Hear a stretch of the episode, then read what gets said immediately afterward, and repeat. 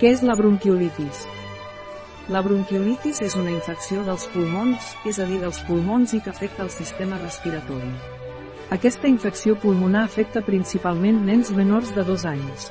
Pot ser causada per diferents tipus de virus, la bronquiolitis és una infecció dels pulmons, és a dir dels pulmons i que afecta el sistema respiratori.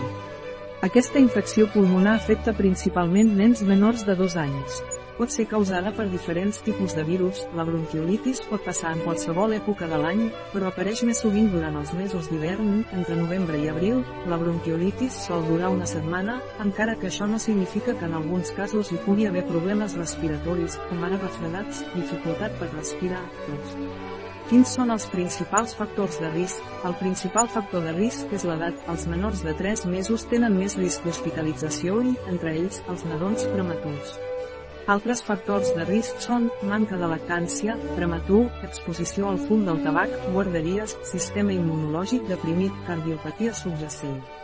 Quins són els símptomes de la bronquiolitis? La bronquiolitis comença amb un refredat, secreció nasal, tos i, de vegades, febre. En alguns casos, el nen pot no empitjorar, o per contra, pot tossir més, tenir dificultat per respirar, xiular o roncar. Tot això és perquè els seus bronquis estan obstruïts amb inflamació i moc que secreta malalties.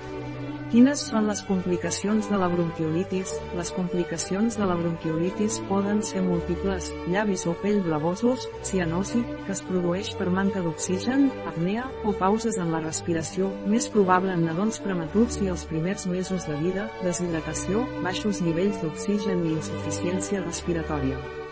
Quins són els senyals d'alarma que he de tenir en compte, una vegada que al teu fill li hagin diagnosticat bronquiolitis i consideris que està empitjorant, has de tornar al pediatre, especialment si notes algun dels símptomes següents, vòmits i dificultat per retenir líquids, dormir més del que és habitual, color de pell violaci, palidesa, sudoració, si no menges i et canses, si respira pitjor o més ràpid, si el vostre fill és prematur o té una malaltia cardíaca. Quin és el tractament per a la bronquiolitis? La bronquiolitis és una infecció viral, per la qual cosa els antibiòtics no són útils. En general, és una malaltia lleu però es poden fer mesures de suport a casa, intenteu baixar la febre, freqüents rentats nasals i aspiració de secrecions nasals, mantingueu el nen assegut, ja que això l'ajudarà a respirar millor, no oblideu que tot això són consells que us dono com a farmacèutica, us recomano que consulteu sempre amb el pediatre del vostre fill, si la gravetat dels nadons o nens és més gran, caldrà hospitalitzar-los. Com puc prevenir el contagi de bronquiolitis? La bronquiolitis es produeix com un virus i, per tant, es propaga d'una persona a una altra.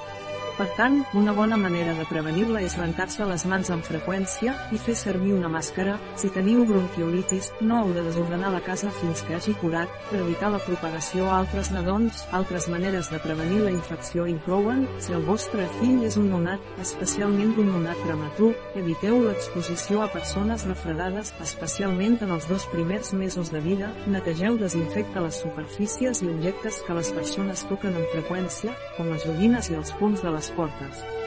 Això és especialment important si un membre de la família està tancat, en tos cobriu-vos la boca i el nas amb un mocador.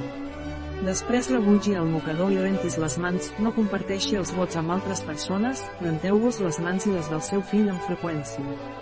Tingueu a mà un desinfectant de mans a base d'alcohol per a vostè i el seu fill quan estiguin fora de casa, amamant del seu nadó si és possible.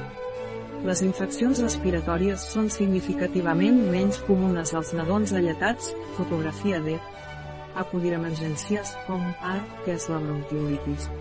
Un article de Catalina Vidal Ramírez, farmacèutica, gerent de Biofarma, és la informació presentada en aquest article no substitueix de cap manera l'assessorament d'un metge, qualsevol menció en aquest article d'un producte no representa el suport dels objectius de desenvolupament sostenible a aquest producte.